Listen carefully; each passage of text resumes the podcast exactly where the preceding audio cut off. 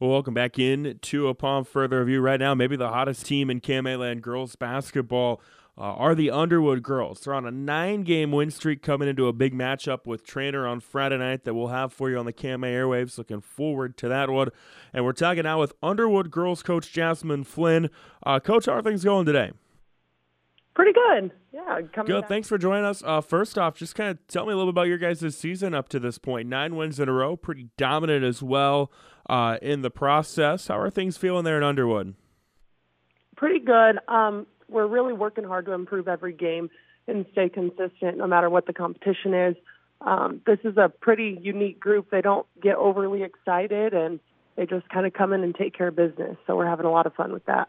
Your team opened the season uh, with a tough one point loss to Shenandoah, a, a, really good Shenandoah team. And I know there's some things in that game that you guys would like to have back, but what did you guys maybe learn about yourselves uh, in that contest? And what was the message after that contest, knowing that there was still 20 plus games uh, forward in the season? I mean, the obvious one is uh, how important free throws are, but we really were able to see how important our post players are going to be this season, um, the defense they play, and how hard they work on offense. Can tell with Underwood girls basketball coach Jasmyn Flynn. Uh, and I remember the free the free throws were something that really plagued you guys in that game. Uh, I'm just kind of curious. I know you had a game the next night, so you know not much time for a turnaround. But you know, what did the rest of the the week look like in terms of you know free throws at practice? really, we didn't change much besides how we condition for free throws, trying to put a little bit more pressure to uh, show the importance of them. But it wasn't like we came in and shot 100 free throws. We just preached on form and focus when once you get to the line. Aside from uh, you know the success of the free throw line since then, where are some other areas that you feel this this team has really made strides from game one to now? They have really made stride with their offensive patience.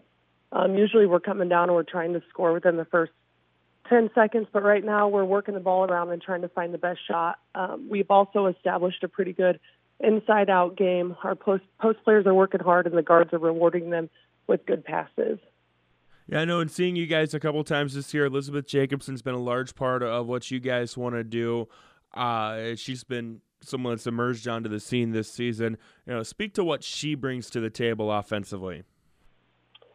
So Elizabeth has come a long way. I mean, she's always been really athletic, but offensively, she is just a workhorse. Um, she wants to learn the post move. She wants to play good one on one and be able to make quick moves against defense. Uh, her biggest thing is defensively, she's really developed a good vision this year. So her help defense has just been incredible for us. Kendra Cook has been the nice guard presence for you guys offensively. Uh, and if I remember correctly, I think she might have been out for the Shenandoah game. Uh, speak to what she's been able to do offensively for you guys.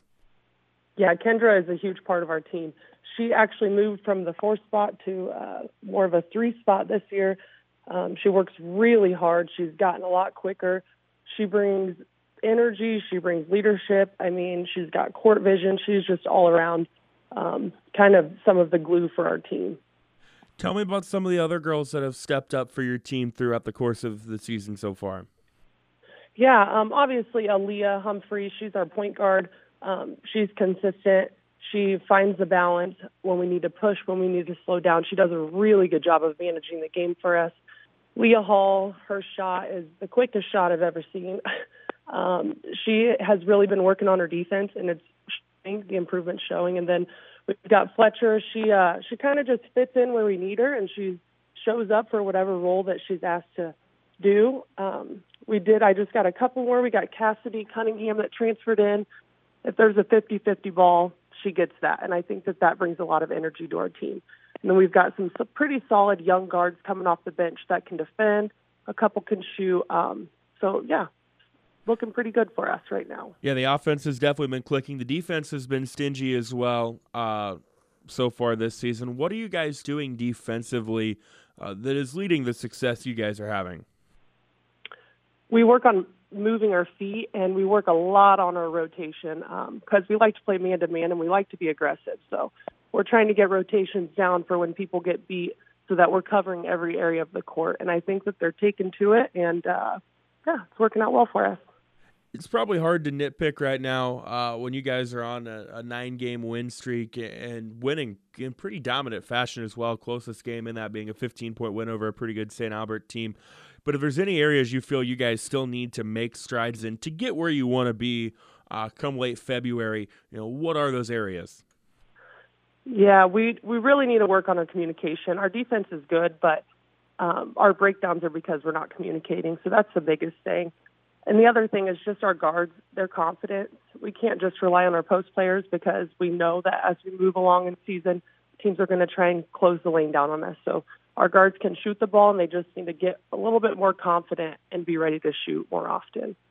Your team was on the cusp of a state tournament last year. I'm sure we'll dive more into that here in just a moment when we look at Treynor, but you returned the top three scores from that team as well. So, uh, looking at it now, you know, go back to the first part of the season. What were kind of the expectations coming into the season?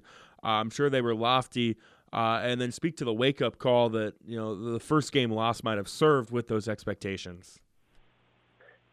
Yeah, um, it was probably a good thing we lost that first game just to kind of bring everybody back down. Our expectations are obviously, along with everyone else's, to make it to state, but we try to focus on one game at a time. Um, anybody can get beat any night, so we really pushed to them that we just need to show up and take care of business and uh, move on to the next game and not look too far in advance. Again, talking with Underwood, a girls basketball coach Jasmyn Flynn.